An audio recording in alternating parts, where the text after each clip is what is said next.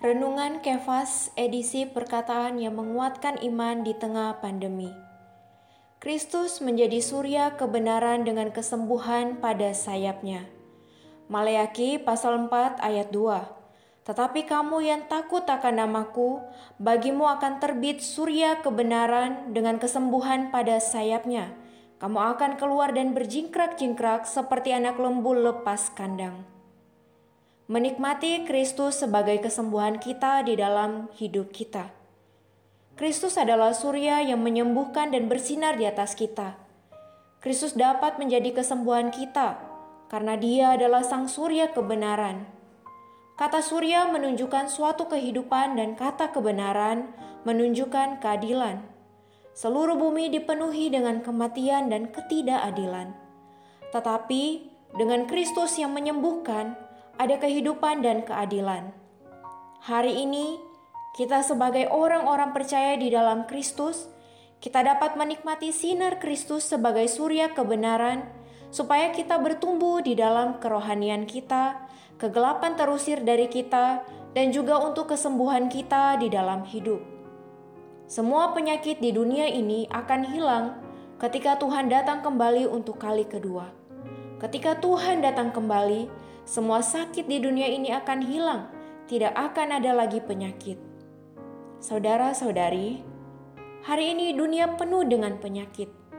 Ilmu pengetahuan membuat semua jenis obat, tetapi dengan meningkatnya obat-obatan, penyakit juga meningkat. Banyak virus dan bakteri meningkatkan sistem imun mereka dengan diperkenalkannya lebih banyak antibiotik tidak ada cara untuk membasmi virus dan bakteri.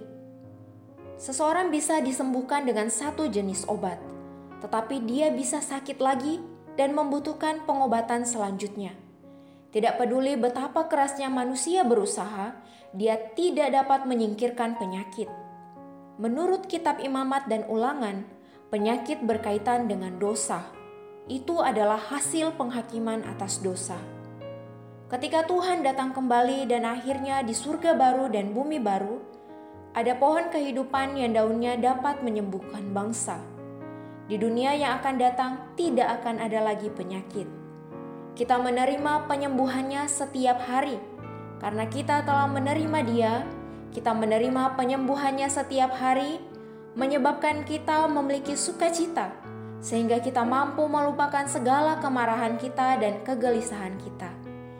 Kita sakit karena dosa, kematian, dan banyak kekurangan dan ketidaksempurnaan. Saudara-saudari, hanya Kristus Sang Penyembuh yang dapat menjadikan kita sembuh seluruhnya.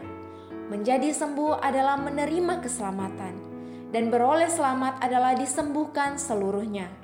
Dia akan menyembuhkan kita asalkan kita memberikan Dia kebebasan untuk mengepakkan sayapnya terbang di atas kita, di sekitar kita, dan di antara kita. Mari kita berdoa. Tuhan Yesus, aku memujimu sebagai surya kebenaran dengan kesembuhan pada sayapmu. Aku membutuhkanmu untuk menjadi surya dan penyembuhku.